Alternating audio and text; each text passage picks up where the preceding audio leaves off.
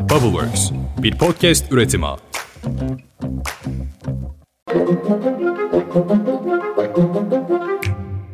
Beş dakikada dünya gündemine hepiniz hoş geldiniz. Bugün 12 Ocak 2023. Ben Özlem Gürses. Kiminiz arabada işe gidiyorsunuz, kiminiz yürüyorsunuz, koşuyorsunuz ya da mutfakta bir hazırlıklar. Bir hafta daha bitmek üzere. Bugünü boş verin. Yarın Cuma. Hadi başlayalım. En flash haber henüz duymamış olduğunuz haberdir. Yok şiirden ilhamla söylemiyorum gerçekten öyle. Ne demek istiyorum? CHP Grup Başkan Vekili Özgür Özel dün İçişleri Bakanı Süleyman Soylu hakkında gündemi değiştirecek bir dosya açıklayacağım duyurusunda bulundu. Özgür Özel can güvenliği riski olduğunu ve olur da dosyayı açıklayamazsa içeriğini güvendiği en az 3 arkadaşına gönderdiğini de ekledi. Duyalım. Yarın burada bir dosya açıklanacak. Bir büyük dosya. Süleyman Soylu'nun cevap vermesi gereken, cevabından kaçamayacağı, yine kimyasının bozulacağı bir dosya hazırlanacak. Böyle açıklamalar bu dönemlerde riskli. Kamuoyu merak etmesin. Özgür Özel yarın o dosyayı açıklayamayacak bir durumda olursa o dosyayı açıklayacak en az 3 arkadaşıma daha birer örneği teslim edildi. Yani duydunuz işte bana sorarsanız dosyayı boş verin. Asıl haber bu. Bir ülkede ana muhalefet partisinin grup başkan vekili bir milletvekili görevdeki bir İçişleri Bakanı hakkında bir dosya açıkladığı zaman can güvenliği riski oluştuğunu düşünüyorsa bundan daha flash bir haber yoktur. Manşeti buradan görmek lazımdır. Ama yine de açıklamayı merakla bekliyoruz. Özgür Özel'in basın toplantısı bugün saat 13.30'da meclis çatısı altında gerçekleşecek. YouTube kanalımda Özlem Gürses'te canlı olarak yayınlayacağım bu açıklamayı. Bakalım ne diyecek Özgür Özel? İçişleri Bakanlığı'nın şikayetiyle İstanbul Büyükşehir Belediye Başkanı Ekrem İmamoğlu'na bir dava daha açıldı. Davanın İmamoğlu'nun Beylikdüzü Belediye Başkanı olduğu 2015 yılındaki bir işlemle ilgili olduğu öğrenildi. Şöyle gelişmiş süreç, Beylikdüzü'nde 2015 yılında bir ihale düzenlenmiş. O tarihte İmamoğlu da Beylikdüzü Belediye Başkanı. İhaleyi kaybeden şirket ihaleye itiraz etmiş. Ancak bu itiraz belediye tarafından reddedilmiş ve ihale hayata geçmiş. Bunun üzerine şikayetçi olmuş şirket ve İçişleri Bakanlığı bir inceleme yapmış, raporu da savcılığa iletmiş. Büyükçekmece Cumhuriyet Başsavcılığı yürüttüğü soruşturma sonunda ihaleyi kazanan firmanın haksız yere ihaleyi kazandığı sonucuna varmış ve soruşturmayı davaya dönüştürmüş. Dosyada ihaleyi fesat karıştırma suçlamasıyla İmamoğlu'nun 3 yıldan 7 yıla kadar hapis cezası isteniyor. Avukatı bir açıklama yaptı. İmamoğlu'nun dedi ki ihale dosyasında imzası bile yok. İmamoğlu'nun bu iş nasıl oluyor? Savcılık bununla beraber kamuoyunda tartışma konusu olan siyasi yasağı da gene İmamoğlu için istedi aynı dosyada. Bu davanın ilk duruşması 15 Haziran'da görülecek.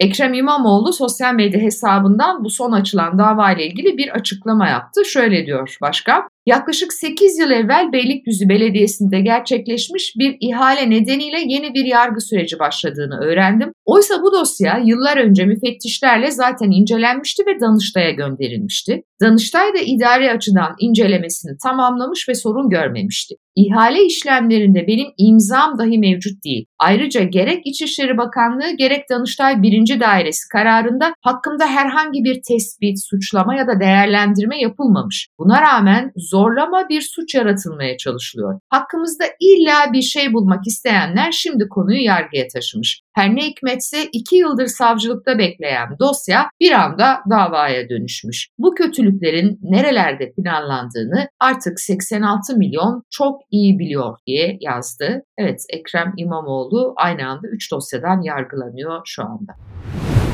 Kamuoyunda bir de pergola davası olarak bilinen bir süreç vardı. İşte o da dün sonuçlandı. Hatırlayın Cumhurbaşkanlığı İletişim Başkanı Fahrettin Altun'a hakaret ettiği iddiasıyla CHP İstanbul İl Başkanı Canan Kaftancıoğlu yargılanıyordu. Tutuksuz olarak yargılanıyordu. Dün bu davanın son duruşması yapıldı ve Kaftancıoğlu'na beraat kararı çıktı. Normalde dosyada Kaftancıoğlu için 2 yıl 4 aya kadar hapis isteniyordu ama öyle olmadı.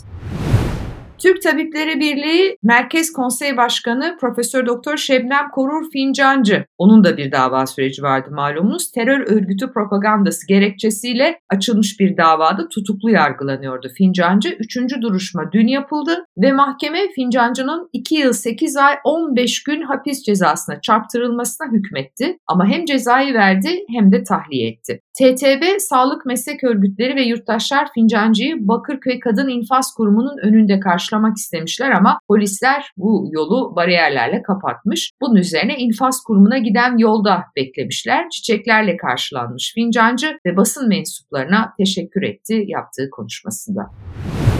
Dün yargı fazla mesai yaptı anlaşılan zira bir dava haberim daha var. Edirne'de tutuklu bulunan Selahattin Demirtaş eski Ülke Ocakları Başkanı Sinan Ateş'e yönelik suikaste adı geçen MHP'li Olcay Kılavuz ve eski AK Parti milletvekili Hüseyin Kocabıyık'a karşı açtığı hakaret davalarını kazandı. Bu arada sosyal medyaya bir Demirtaş düzenlemesi geliyor. Adalet Bakanı Bekir Bozdağ Ankara'da gazetecilerin sorularını yanıtladı dün ve kendisine Demirtaş'ın yazdığı tweetlerle ilgili bir soru sordu soruldu. Bunun üzerine Adalet Bakanı hükümlülerin sosyal medya kullanamayacağını ancak adlarını açılan hesaplardan avukat veya aileleri aracıyla paylaşım yapabileceklerini söyledi. Hatta bu konuda bir çalışma başlatılmış. Bunu da bildirdi Adalet Bakanı Bozda. Dünyadaki örnekleri inceliyoruz, değerlendirme yapılmasının ihtiyaç olduğunu düşünüyoruz diye konuştu.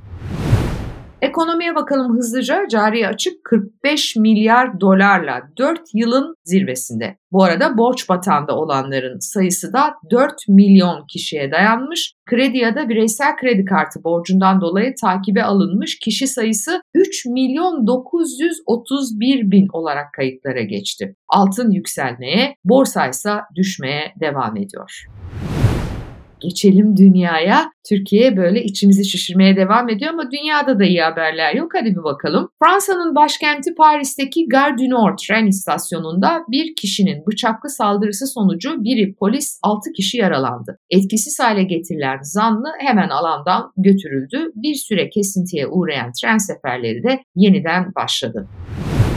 Brezilya'da Bolsonaro destekçilerinin yaptığı kongre baskınının yankıları sürüyor. Günlerdir ateşi dinmeyen protestolarla mücadele eden Brezilya'da yüksek mahkeme eski lider Bolsonaro destekçilerinin hükümet binalarını basmasının ardından başkent Brezilya'da üst düzey tutuklamalar gerçekleştirdi. Yüksek Mahkeme Yargıcı Moraes, Bolsonaro'nun Adalet Bakanı olan Anderson Torres'in de tutuklanmasını emretti. Ancak Torres tıpkı Bolsonaro gibi göklerden gelen bir uçakla Florida'ya uçmuş durumda. Yani sizin anlayacağınız ABD'de. Torres sosyal medya hesabından bir paylaşım yaptı ve ailesiyle tatil yapmak için gittiği Florida'dan Brezilya'ya dönerek adalete teslim olacağını belirtti. Hadi bakalım. Lübnan Sağlık Bakanı Firas Abyad, kaçakçılık ve kara borsa nedeniyle bebek maması için verdikleri devlet desteğinin kaldırıldığını açıkladı. Hatırlayalım Lübnan'da hükümet başta yakıt olmak üzere birçok temel ihtiyacı sübvanse edip uygun bir fiyatla vatandaşlara veriyordu. Ama ekonomik krizin patlak vermesinden bu yana kademeli bir şekilde yakıtta, gıdada, ilaçta bu sübvanse desteğini geri çekmişti. Lübnan Başbakanı Necip Mikati, Haziran 2020 2022'de yaptığı bir açıklamada Lübnan halkının %85'inin yoksulluk sınırında bulunduğunu açıklamıştı.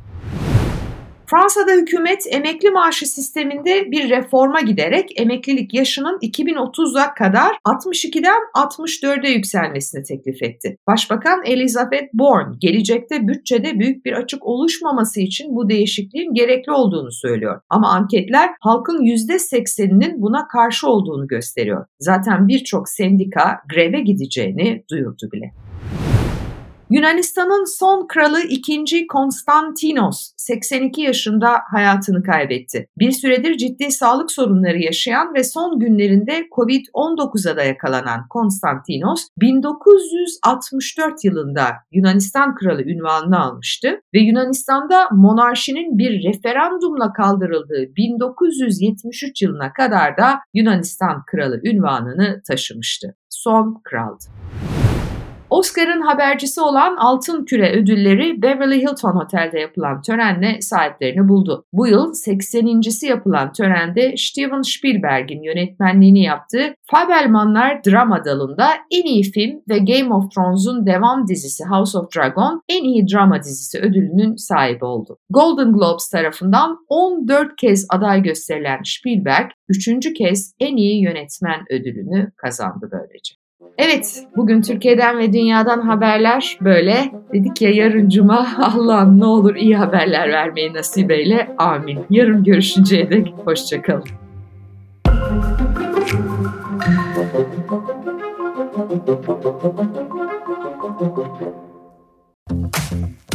Bubbleworks bir podcast üretimi.